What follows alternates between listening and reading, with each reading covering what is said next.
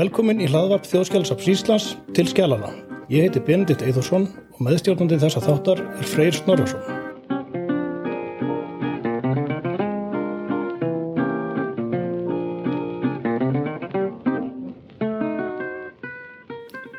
Í dag kynum við til Skjálana Pétur Ármannsson, arkitekt og sviðstjóra hjá Minjastofnun Íslands og höf höfund bókarinnar Guðjón Samálsson, húsamestari. En Guðjón gengdi ennbætti húsamestari ríkisins í þrjá áratíi frá 1920 fram til döðadags árið 1950. Velkomin Pétur og til hamingjum með bókina og síðast en ekki síst til hamingjum með tillöfninguna til Íslensku bókmæntavælarna. Þakkaði fyrir. Segðu mér ég þykist nú vita og hafa, hafa heyrt í fleikt að það verið svolítið laung meðganga. Getur þú aðeins sagt okkur svona hvenar, hvenar þú byrjaðir að rannsaka og skoða fyrir Guðjóns? Já, þessi vekkferð hósteila árið 1987 en þá voru liðin 100 ár frá fæðingu Guðjóns og að því tilefni þá emdi Arkitektafélag Íslands til síningar á teikningum hans og ég var e, í undibúningshóknum fyrir þessa síningu og e, eitt af því sem við gerðum þá var að við gerðum okkur leið í e, húsi sem að bjó í fjölskyldu húsið að skólaverustíð 35 og um, við fengum þar aðgang að kjallara húsins, það var sem sagt uh, Margret Einarstóttir sem var honum tengd uh, bjóð þá í húsinu og hafði gert lengi. Og um, þar kom í ljós í kjallara húsins uh, frekar slæma ástandi þó skól, skólatekningar Guðjóns. Á vönduðum kartonpapír vasslitatekningar geipila fallegar og um, þetta var nú svona fjársjósfundur og, og var kannski til þess að kveikjas áhugan á þessu ekki bara á verkum Guðjóns heldur kannski líka mikilvægi þess að leita uppi og varðveita gögn um sögu byggingalistar teknikasögn sem eru náttúrulega vitnisspörður um hér skapandi starf húsamestarans. Þannig að við gerum þessa síningu og við komum þessum teikningum á þjóðskjálasafnið og síðan Kanski var það nú næst að eftir að ennbætti húsamestar ríkisins var lagt niður. Þá var skjálasafn þess allt teikningasafnið sem er gríðarlega mikilvægt og merkilegt safn. Þá var það fluttinga á þjóðskjálasafnið og af því að ég hafði verið í Finnland og Stokkólmi og kynnt mér sko skráningu og flokkun og svona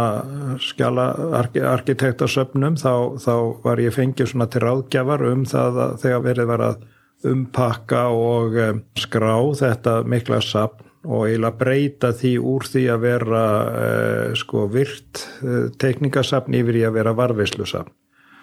og þannig að ég kynntist þessu sapni,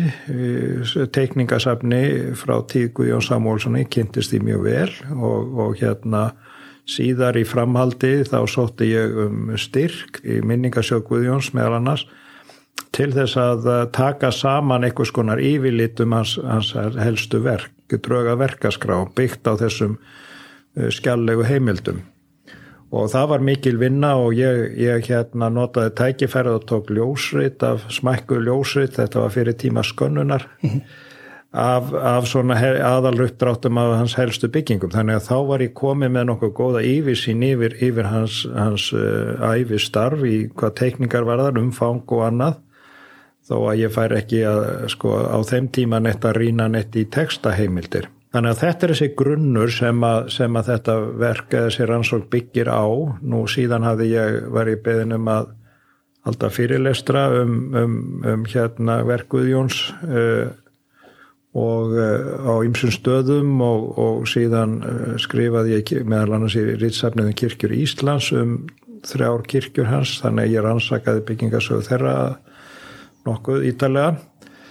Þannig að já, þetta svona leti hvað, hvað af öðru og, og fyrir fimm árum síðan þá, þá uh, eftir að ég hafi lokið við bókum Gunnlaug Haldósson arkitekt þá kom bókmyndafélagi með þá hugmynd eða spurði mig hvort ég væri til í að gera bókum Guðjón Samúlsson. Þannig að þá svona byrjaði þessi rannsókn að vinna svona að, að vinna við að sapna saman efni í bók. Hún byrjaði þá kannski fyrir alvöru. Og kannski vel, vel við eigandi að bókin kom út núna 2020 þegar 100 ári eru frá því að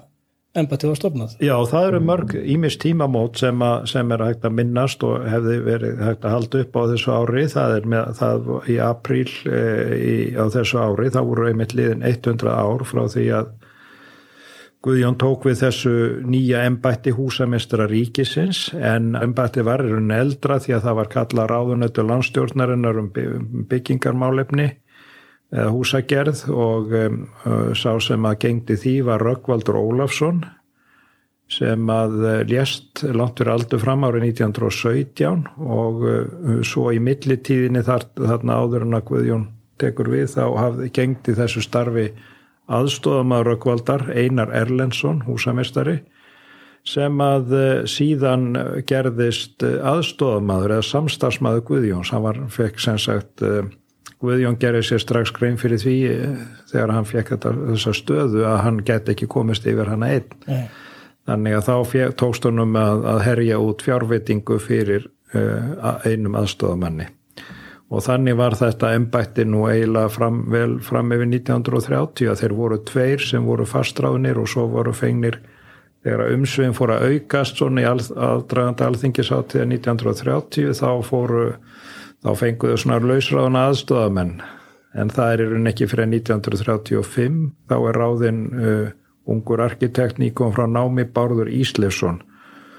og þá bætist aðeins við en það var, það var samt sem áður uh, alla tíð frekar illa búið að þessu embætti. Sem dæmið það er að fyrstu tíu árin alveg fram yfir 1930 þá var teknistofan til húsa í einu herbyrgi í Íbúð Guðjóns á skólaverustík og annari hæð og, það, og svo þegar Arnarkvalli byggður hann tekin í nótkunn 1930 þá, 31, þá flist embættið e, fáir hann tvö herbergi þar á annari hæð. Og þá svona aðeins ringaðist um en það var svo sem ekki heldur neitt, neitt óskaplega stór stór e, húsakynni. Nei. Þú varst að nefna þessar tekningar sem þið fundið þarna frá námsárunum ég manna hérna haustið, haustið 2019 þá varstu nú hérna vikulega hjá okkur að, að, að yfirfara safnið og velja, velja þér myndefni Já. þá sagður mér skemmtilega sögu af, af skissum sem, sem þú fannst og, og, og sem rannsækar af frekar og, og fannst fyrirmyndir út í kaupanöfn að, að þessum skissum. Er, voru þessar skissur hluti af því sem þið fundið þann 87 eða? Já, já, e, já, það passar. Það voru innan í það var nefnilega ekki bara, við fengum, fundum ekki bara tekningar, það var þarna kistill með ferðarkoffort með e, fagbókum erlendum sem að höfðu bara verið týnda til, það kunni náttúrulega einhvern veginn höfðu þær daga þarna uppi og eh, við fórum með þessa bækur og eh, þar voru nú í safni arkitektafélagsins sem er núna hlutabókasafni Lista Háskóla Íslands. En inn í einni bókinni þá var svona bungi já af, af, af, af svona pínulittlum eh, skissum svona og gagsægjum pappir svona cirka bara eins og servietta stærð og um, teiknaði með blíjandi augljóslega gert að Guðjóni sjálfum. Það var auðþekkjarlega hans rítönd og, og, og hérna og þetta var ekki að byggingum sem hann aði sjálfur teiknaði eða hugsað heldur vor, var þetta dreyið upp sem sagt ljósmyndir og tímaréttum sem hann aði dreyið upp. Og, og hérna eins og hann var bara skissera í minnisbók. Þetta er náttúrulega löngu fyrir tíma ljósveituna vil á skanna þannig að hann var bara að teikna niður byggingar sem vöktu hans áhuga. Og e, þessar skissur voru afar mikilvæg vísbending um það hvaða, mig, hvaða, hvaða byggingalist vakti áhuga hans á námsórunum því e, ná, það er náttúrulega eitt af því sem að hafði áhrif á það hvernig þessi bók eh, er samsett að að uh, þetta er í rauninni kannski ekki beint æfisaga vegna þess, að, vegna þess að það eru mjög takmarkaðar heimildir um sko hans prívat líf og persónulegu skoðanir og allt það umfram bara það sem hann sjálfu skrifaði í, í, á ofinbjörnum vettvangi. Það er engin engabrjöf eða Nei. dagbækur eða neitt annig. Þannig að þessar skissur, uh, þær voru afar mikilvæg vísbending og, og svo í, við nánari skoðun þá fekk maður staðfesting á það í, í, að, að, að þessir, þessar hérna, finsku og þísku fyrirmyndi sem hann var að skissa upp að þetta voru greinilega eh, áhrifavaldar á, á, á hans byggingalist og þá sérstaklega Eh, finski arkitektin Elil Sarinen eh, einn af þeim hlutum bókarna sem ég eitthvað ánægastuð með er einmitt það sem að fjallar um þessa skissur og, og tenginguna. Þar ég fór svo til þetta, þær voru allar teknar upp úr þýsku fagtímariti sem hétt móterni báformen var afar vandarít það var ekki, það er ekki til hér á landi. En ég fann það í, í hérna bókasafni Listaháskólans í Kaupmannahöfn og ég, þar sem ég fór ég fekk dval, dvalatímin Jónshúsi í tengslu þessa bók og, og þá gæti ég fundið öll verkin sem voru fyrirmyndir af þessum skissum sem var náttúrulega bara mjög gaman. Og hluta því er neyri mitt í bókinni. Sem að síni manni það að Guðjón fekk mjög klassíska mentun í, í skólanum, lærði klassíska byggingalist alveg frá A til Ö eins og arkitekta nefnar gerð á þeim tíma og, og hafðu gert aldeirnar og undan en svo, og svo, svo var þetta tími eh, þjóðlegar romantíkur í danskri byggingalist mm -hmm. sem var svolítið öðruvísi en, en kannski í Norri og Svíþjóð þetta voru svona, þarna voru mér mjög mikið að líta til eh, þess að að einhvern veginn endurvekja þjóðlega enginni og halda til uh, ég haldi heðri þjóðlegar hefðir í, í, í, í húsagerð og, og nota það á skapandi hátt Og, en svo var hann jafnfram náttúrulega þetta tími sem að júgendstílinn var, var, var vinsæll í Evrópu. Það er mikið gerjun í byggingalist á þessum tíma í Evrópu og svona í aðdraganda formbildingarinnar sem svo síðar var með móternisma en þarna eru svona þreyfingar í ímsaráttur og meðal annars í framústefnumenn í Þýskalandi og Finnlandi sem hafa greinilega áhrif á Guðjón og svo að óglemdu Garðbæjarreifingunni svo kalluðu sem að var svona grunnurinn að, að skipulags hugmyndum Guðjóns.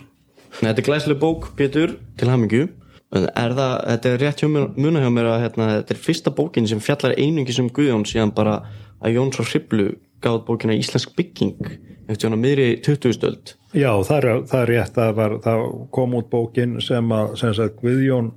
í sinni erðaskrá þá hérna tók hann, tók hann til liðar fjárupæð og fól uh, vini sínum, Jónasi Jónssoni frá Hriblu, að uh, annast útgáfa myndabóka sínum verkum. Það var svo bókin uh, Íslands bygging sem kom út þarna 7 árum eftir að Guðjón fjall frá og Jónas eh, skrifaði textan í þessa bók Benedikt Gröndal var eh, hérna rittstjóri líka með honum og, og hún er mjög þetta er, þetta er skemmtileg bók hún er með mikið af fínu myndum eh, og tekningum og þetta er eiginlega fyrsta bókin sem kemur út um verk eins íslensks arkitekt. Það var ekki, það slíkt að það ekki gerst áður, mjög lítið yfir höfuð og kannski vandamál uh, lengi vel að, að það var mjög lítið gefið út og fjallað um, um, um verk íslenskra arkitekta nema bara þá í kannski helst í tímariti verklæðingar og yðnaðamanna mm. en, en það er alveg rétt það, hefur, það kom engin, það var eh, svo kam langu tími og, og engin bókum Guðjón og þú má kannski segja það ég hefi fundið hérna svona eftir að hafa sett mér svona vel inn í teknikasafni þá og, og önnur, ön, aðrar heimildir þá fannst mér þetta íla að vera skilda mín að, að eh, koma þessu frá mér. Það er að segja að það stæði ekki neinum öðrum nær að gera það. Þannig að ég fór í þá fjallgöngu að gera þessa bók og hérna vonandi verður hún kvartning fyrir unga fræðimenn á öllum á listasögu og sagfræði og byggingar byggingarlist að kafa dýbra sko í sögu einstakra verka og eh, það er líka verkefni að eh, gera eins konar húsakönnun fyrir all landi hvar, hvar byggingar ennbættisins eh, leynast í bæjum og ég gerði alluga því svona í bókinni með 400 byggingar sem að ég gætt fundið sko óíkjandi heimildir fyrir því að hefði verið byggðar. Það er nefnilega með tekningasafni sko að það er ekki maður veit ekki alltaf uh,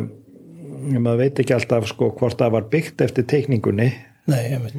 og eh, svo var að stundu þannig að það sama teikningi var notuð á fleiri en einum stað. Það var kannski svolítið bagalegt að það var ekki til svona ein einn index fyrir húsamestarasafni frá upphafi, allavega gáttu við ekki fundið það þegar vorum að gera. Það hefði verið mikill hjálp í því að það hefði verið númer á hverju einasta verkefni. Það var á, var á okkur tímabili en svo við fengum einhvern veginn ekki þetta kerfi til að ganga upp. En við Pétur, hann tekur hérna við embættinu í april 1920 og það til hérna í teknikasafninu mikil og stóru teknik af landsbítalarnum hún er ásett í hvað í lokars 21 er ekki rétt munið hjá mér? Jú, 21 eða 22 Já, þannig að það, það er, Já. landsbítalan er svona kannski með, með fyrstu stóru omböru verkefnum sem hann fór í eða Jú, það er alveg rétt. Það er svo með framkvæmdir eins og byggingar að sveiflur í efnahagslífi þjóðarina þær hafa mikil áhrif þarna og e, það eru kreppur og svo koma svona þenslu skeið og þetta hefur skipst á og, og hefur haft mikil áhrif á byggingasögun á 20. öld. Þannig að þegar að Guðjón tekur við embætti þá er í rauninni enþá svona kreppa í kjölfar fyrir heimstyrjaldan. Það er ekki byggt mikið svona árunum fram, fram, framundir 1924-25 en þá, þá fer líka í hönd mikill uppgámstími alveg fram að heimskreppunni miklu og svo var þarna líka alþingisáttiðin þannig að það voru miklar mikla framkvæmdir og mikill hugur í mönnum þarna á þessu, á þessum setni hluta uh, þriðja áratugur eins.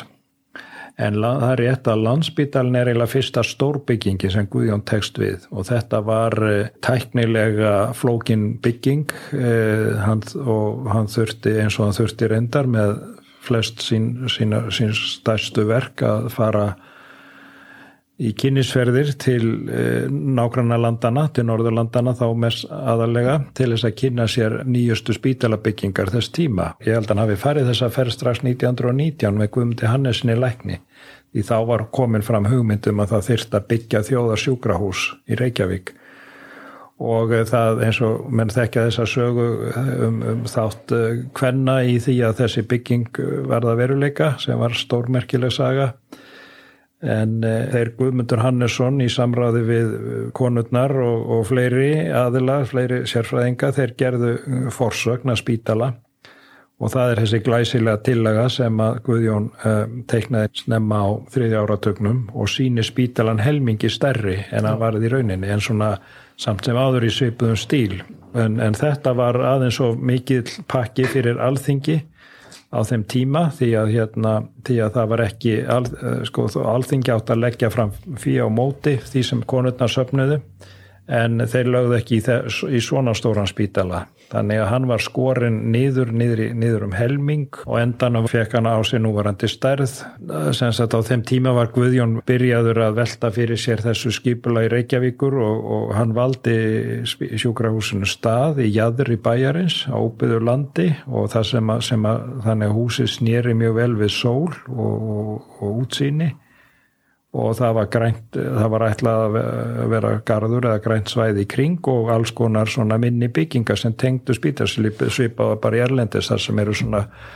ef maður segir á spítala svæði eða kampusar þannig var landsbítalinn hugsaður og átt að snúa þarna að ringbraut með að ingangi á móti ringbraut en bakingangi frá, frá þessu. Og þetta var náttúrulega skamt frá Á þeim tíma þá voru hugmyndir um að háskólinn er byggður á skólaveruholti og gatan Mímisvegur sem var, var valið það nafn sérstaklega e, með hlýsjuna því átt að tengja saman þessar tvær mikilvægur stopnarnir eða svæði þar annars vegar menningastofnarnirnar og mentastofnarnirnar á, á, á efsta holtinu og hins vegar sjúkrahúsið aðeins neðar. Það er þá landsbyttarinn og Háborgin. Þetta er náttúrulega leiðir hugan að skiplæginu fræða frá 1927 og það vil svo vel til að, að, að eitt starfsmárið hjá okkur, hann lög nýverið bjæri að gera í sagfræði og, og fjallaði þar um skiplægið Freyr, þú kannski segir okkur aðeins frá, frá skiplæginu og síðan ræðum við aðeins við, við Pétur um, um, um, um þetta merka, merka skiplæg Já, bara alltaf að fara svona létt yfir sögur skiplægs þá sprettur það upp úr því að alþengi samþykjar árið 1921 skiplagslög sem að Guðmundur Hannesson læknir sem að Pétur nefndi að hann uh, er eiginlega höfundurinn af. Og eftir staðfestöku lagana þá er stopnum svo kallu skiplags nefnd ríkisins og þar sátu Guðjón Samúlsson, Guðmundur Hannesson læknir og Geir Sóvega vegamálastjóri. Og varandi skiplagsgerna fyrir Reykjavík þá er svo kallu samfunnu nefnd stopnuð og Í henni sitja Guðjón og Geir Sóka og frá borginni eru borgstjóri Knúð Simsen og Mattias Þorðarsson þjóðmennavörður. Fyrstu merkið þessa skiplaskerð hafi verið hafinn svona fyrir Reykjavík má segja að sé þessi áðan til að uh, húsafyrirkomlega upp á skólaverðarhaldi sem að Ágúst H. Bjarnason, profesor við Háskóli Íslands, gaf nafninu Háborg Íslenska menningar og það var gert ráð fyrir háskóla, stúndagörðum, listasafni, leikúsi og kirkju á möðutorkinu og í kringum þessa tilhuga hafa sprottið mikla umræður og áhugavara kenningar um ögunar og siðmentunar áhrifin sem Háborgin átt að hafa á fólk. En Guðjón sagði til dæmis sjálfur í rittgersinni frá 1912 í lögréttu að íbúur sem byggi í betur skipulegum bæjum erðu blíðari, unlingarnir siðari og börnin hreitni en síðar var svo byrt til að Östubænum sem er mjög áhugaverð og þar er áður nefnt hérna Háborg og landsbytalalóðin fyrstum sinn allavega var gert ráð fyrir miklu íþrótasvæði á livsgötureitnum beint norðan við Hallingskirkju eða nei, austan við Hallingskirkju en sko áskipilegin sjálfu frá 1927 er hægt við þá tilögu vegna hérna nándar við landsbytalum og það er þeim og mikið læti að vera með einhverja tvo, tvo, tvo knastmyndu velli, tennisvöll og eitthvað beint fyrir hliðin á landsbítala en í tilögunum frá 27 eða í skipunum frá 27 þá er á dómusmedika og hilsuvendar hérna reitnum er gert ráð fyrir stórum svona stadjum, svona knast, velli, íþróttavelli mjög líkum þeim sem er í lögadalum og svo er náttúrulega þessi fræga hjáttbröðarstöð sem var í Norðumýri og átti að tengja Reykjavík og Suðurlandið. Skipulagsvinnan var svo klárið árið 1927 og skipulaði sjálf kynnt árið hérna 1928 sem að síndi þá fyrirhugaða byggð innan ringbröytar við það svæði sem við köllum dæla núni dag 100 veitar Reykjavík. En skipulaði var aldrei samþittar á þeirra eins og laugin hvaða áum en það var vegna þess að sumi töldu það að vera sko ólulegt að sumi einstaklingar sáum skipulagsgerna það var á Guðjón og Geir Sóvika þegar þeir sátu líki skipilagsnefndinni og sangallugunum átti skipilagsnefndinni að vera svona ráðgefandi nefnd en átti ekki sjálf að sjá um skipilagsgerðina en sko lítið þessum tilugum sérstaklega fyrir Austubæn þar sé að íþjóttsveðu og hérna og játbröðstöðun urðu aldrei að veruleika en skipilaginu var þá fyllt sumstaðar eftir. Og mér langar að spyrja hérna þig Pétur, hvað er þess merki helst sjáanleg og undir hvað erlendu áhrifum er Guðjón og stefnir skipilags sín Guðjóns af því að gera borgir lífvænlegar og mannlegar eins og setjum tíma skipilagsfræðingar á borði hérna Jan Gell hafa agitera fyrir. Og myndir segja svona að það takist einhverju leiti í þessu skipilagi fyrir 1927 Já, sko, þessi skipilags uppdrættir sem að Guðjón og Guðmundur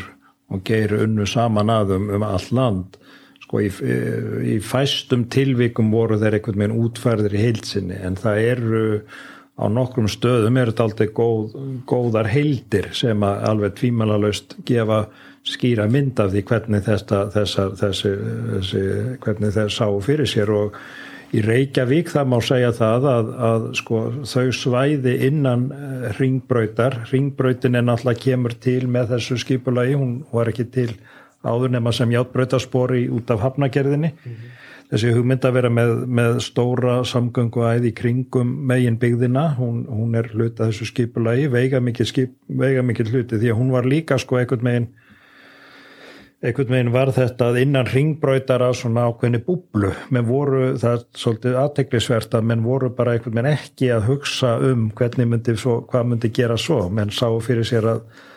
að þetta svæði myndi duga uh, næstu 50 árin eða svo og einhvern veginn mér sá ekki fyrir hvað borgin myndi vaksa hratt.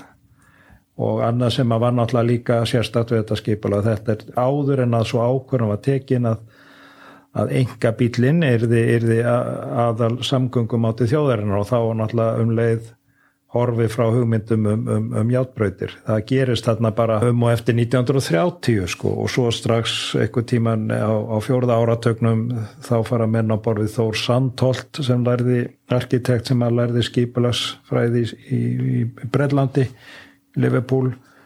kom heim og hafði gert, gert sagt,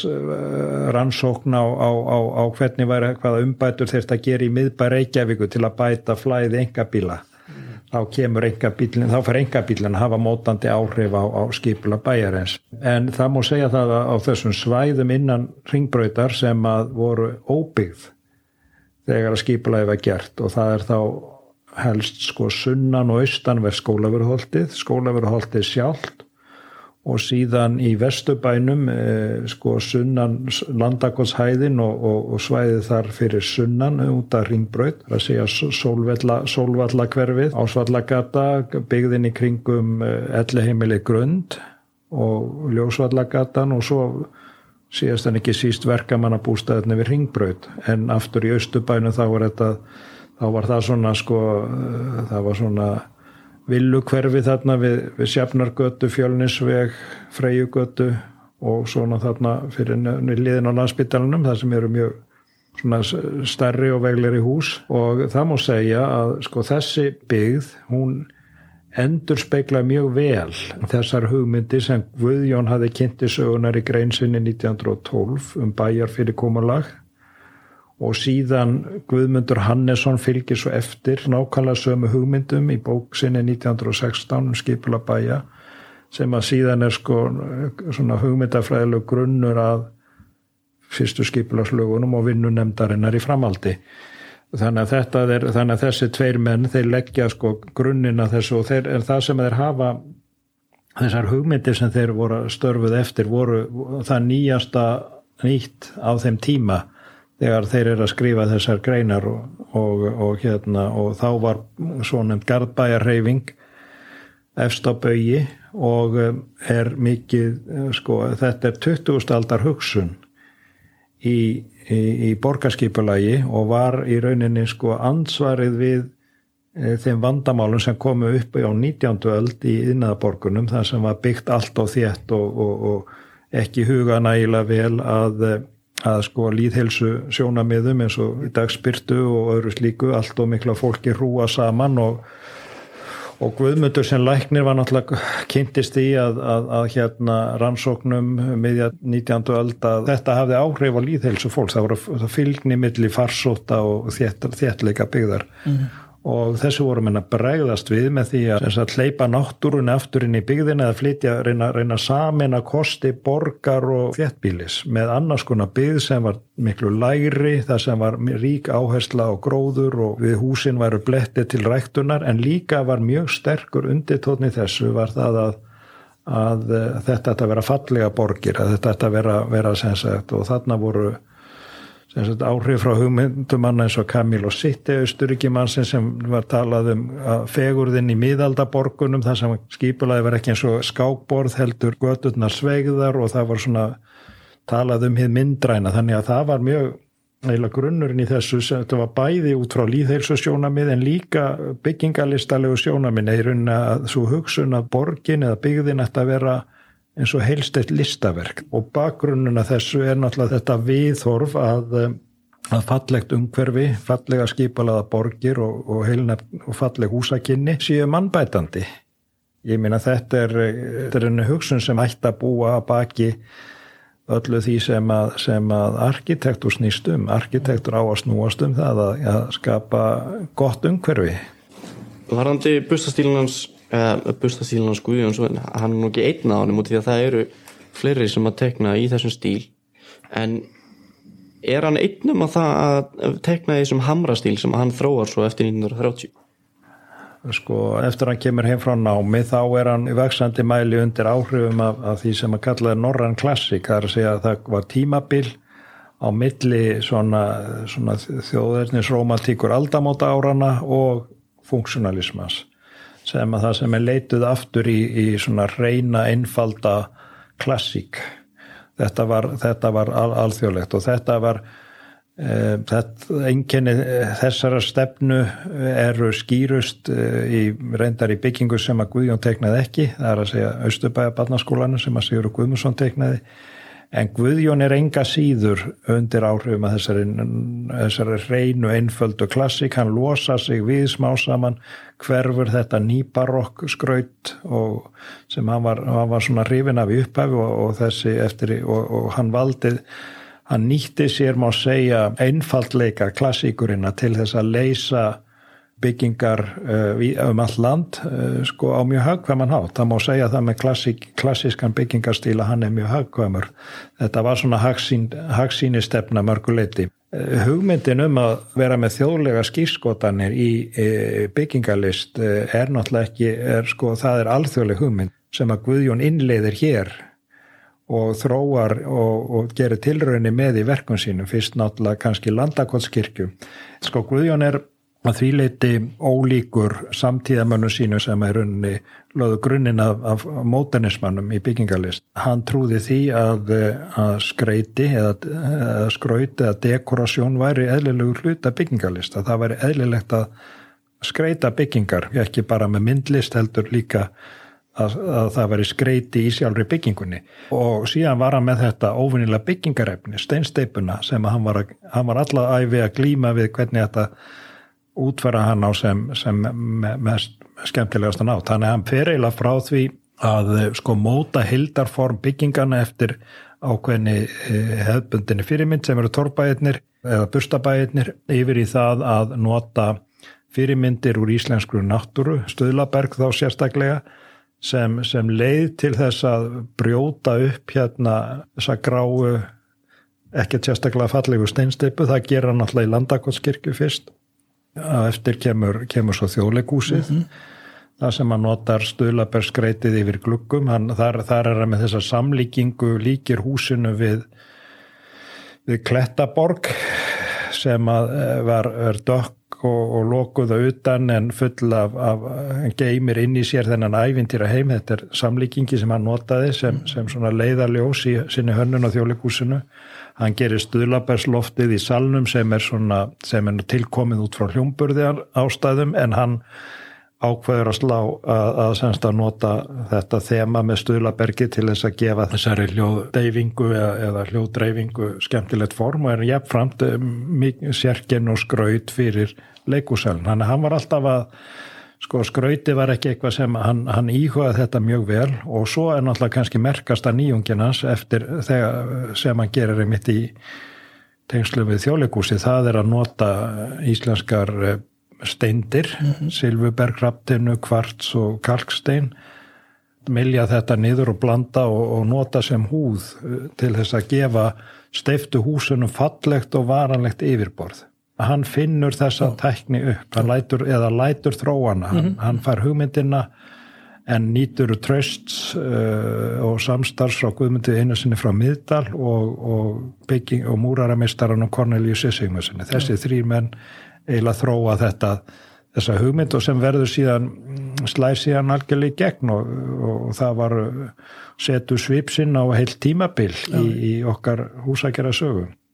og langlið á tíman hjá okkur, við getum, getum settið inn allan dag og, og rætt Guðjón Samuelsson og verk hans. Og maður ræði hérna um þjóðleikusið og það er nú svona verk sem fylgdi honum meir en halvan fyrirlands að, að, að hérna að það kom alltaf pása þarna á strísárunum í bygginguna. Hann, hann liði, liði viksluna en hann náði ekki að vera viðstættur getur þú að hann sagt okkur frá því? Já, já, þetta hann segðs að byrjar að hann færi þetta verkefni 1925 og um, þetta, var, uh, þetta var stærsta hús landsins á þeim tíma og, og, hérna, og tæknilega langsamlega floknasta bygging sem nokkuð tíman hafi verið byggð á Íslandi. Og þetta þýtti það var, það var engin sérþekking, fagþekking til í landinu um hvernig þetta hanna svona flokna byggingu. Og Guðjón þurfti að fara í, fór í all nokkrar utalansferði til þess að kynna sér nýjustu leikúsbyggingar á Norðurlöndunum og víðar til þess að bara átt að sjá því hvernig væri þetta að gera, hvaða, hvers konar hvaða gerða leikúsi ætti við myndi henda á Íslandi? Og eh, hann nefnir sérstaklega eh, leikúsi í Árósu, nei, hérna í Óðinsvíum sem, sem var þá nýlega byggt en er í svona í innra skipalagi aldrei líkt þjóðleikúsinu en, en, en í allt örum stílað utan, það er engin líkindi á milli, en sérstaklega hann eh, Eh, hann teiknar leikúsið eftir að hafa farið í þessar skoðanaferðir árið 1928 minni mig og það er byrjað að byggja það uh, þarna grafa grunn og, og steipa upp húsið og það er næst að steipa upp húsið fyrir áður en að alþingi ákveður að taka fjárvitinguna af skemmtana skattin í annað. Þannig, en enga síður þá var bárum en gæfu til þess að, að sko klára húsið alveg utan þannig að það myndi ekki skemmast steinsteipan í því myndi ekki skemmast. Þannig að það, það er það sem var klárað með, þegar húsi var uh, húðað að utan 1933 með þessari nýju aðferð steiningu. Svo kemur langt tímabil það sem að ekki, ekki, ekki að tvið var til að, til að halda áfram. Uh, svo kemur setni heimstyrjöldin uh, setuliðið tekur húsið undir byrðageimslu 1944 þá er, fer her, losar herrin húsið og þá byrja menn á því að laga bara það sem hafi skemst og, og svo að vinna sig átt af því að fullklára húsið. Þannig að húsið gengur í gegnum svona ímins tímabil. Það er svona til dæmis leikúsalurn uppalega var í klassiskum stíl svona svipað á gamla bíó en svo verður hann frekar nútímalegur í endalegri útfæslu enda liðu þarna næri 20 ára á milli en, en sem sagt Guðjón þarna síðust árun sem að lifir þá, þá glimtan við veikindi og þurft að fara í stóran krabbamins uppskurð það er 1948 og eftir hann kemur heim og hafði nú náð sér eitthvað þá ákveður hann það að, að sko hann nú hann að einbeita öllum sínum kröftum dvínandi kröftum að því að klára þjóðleikúsið og hann er þar og hverjum degin og, og síðustu mánuðina og fylgir eftir hverju einasta smáatriðu í vinnu yðnaðamannana sem voru að keppast við að ljúka húsinu það var búið ákveða viksludaginn en þessi mikla vinnutörn var, var meira en heilsans þóldi hann, hann var síðustu vikurnar fyrir vikslu þjóðleikúsins þá lág hann bara á landsbítalanum fárveikur. En var samt sem áður að, að voru samstagsmenn hans að bera undir hann eitt og annað uh, ákvarðanir sem þurfti að taka út af leikúsinu og um, þegar komað viksludeginum þá var Guðjón of máttvarinn til þess að treysta sér til að vera viðstættur viksluna en um, Saga segir að hann hafi heyrt endur óminn af háttíðinni sem var útvarpað. Og fimm dögum síðar þá lést hann á landsbyttalanum Þannig að hann hlustar á viksluna á, á þessu mikla verki sinu í einu fyrsta verkinu sem hann teknaði landsbytalanum. Já, já, og, og sjálfsagt hefur að hérna, veit honum gleði að, að sjá að þetta tókst að ná þessu, skila af sér þessu verki og hann hefur þá verið sáttari við að kveðja á þeim tímapunkti. Já, á nefa. Sem bara svona einhver óbreytti leikmar þá, þá er það við sem að hérna bara vennilega fólki við einlega dýrkum verkina, þess að þannig, við elskum Hallgrímskirkju kirkjun og Akureyri hérna, þjólikúsið og bara haldið áfram að telja á öll þessi fallegu verku. En hvernig, þú veist, hvert er orðsporans meðal íslenska arkitekta og hvernig hefur það verið í gegnum árin? Hann hefur ekki verið metin á einhvern veginn meðal innan stjættarinnar Nei, nei, Guðjón var hérna náttúrulega eins og ráðam á þetta var maður sem hafi gríðarlega áhrif og völd og völdum fylgir alltaf það að menn er verða umdeldir. Man má segja kannski hans ógæfa sem listamanns er að verkin hans dróðust mjög mikið inn í flokkapolítík á Íslandi sem var mjög hatrömm þarna á þreyðja og fjörða áratöknu sérstaklega og andstæðingar Jónasa frá Hriblu fundu Guðjóni verkum hans allt til forrættu. Það var ekki tala fallega um, um, um hans verk.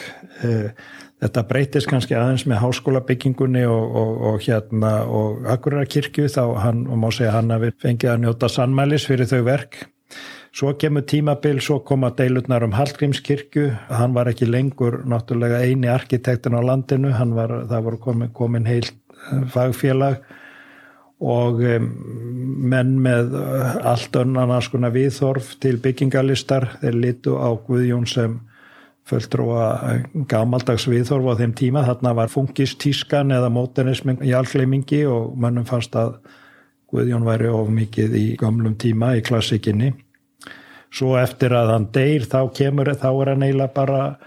glimtur og grafin og það eldri arkitekt hafa sagt mér það að, að það var bara sem voru komið til starfa um og eftir 1960 það var aldrei minnst á Guðjón Samúlsson engin, engin áhuga af hans verkum það kemur ekki fyrir miklu setna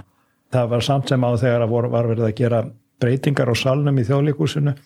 þá reysu arkitektar upp og, og fóru að tala um að þetta væri þráttur all mikilvæg bygging Um, en menn voru samt sem áður 68 kynsluðan gerði grína Hallgrímskirkju og þetta þótti allt frekar svona hallærislegt og gammaldags að, en, en það er nú þannig að, að tíminn er besti dómarinn á, á ágætti bygginga. Og það er þannig að höfundar bygginga þeir ákveða það ekki sjálfur hvort að verk þeirra munu njóta uh, virðingar og vinselda eða ekki byggingarnar, það þurfa alla byggingar að sanna sig. Og byggingar eru náttúrulega bara, það er alvöru mála byggja byggingu sem hefur áhrif á, á líf fólks sem hefur nekkert um það að segja hvernig um hverju þessar er. Þannig að það á þessu kvíli mikil ábyrð og þessna finnst mér að, að hérna svo staðar reynd að byggingar Guðjóns eða byggingar í þess í, í í þeim anda sem mótaði var hérna fyrir hluta 20. aldar höfða, höfða vel til hérna almennings. Mér finnst vera mjög mikið, mér finnst sko byggingalist er í eðli sínu reynsluvísindi og mér finnst að menni að læra að, að þekking byggist á því að menn þrói áfram það sem vel hefur verið gert. Það finnst mér vera kannski það sem að er helsta, helst mætti læra af verkum Guðjóns, ég menna það er þau hafa sanna sig, þau, fólki líkar vel við þetta eru hagkvæmar og fallega byggingar. Hún tókst að samina þetta í mjög mörgum verkum sínum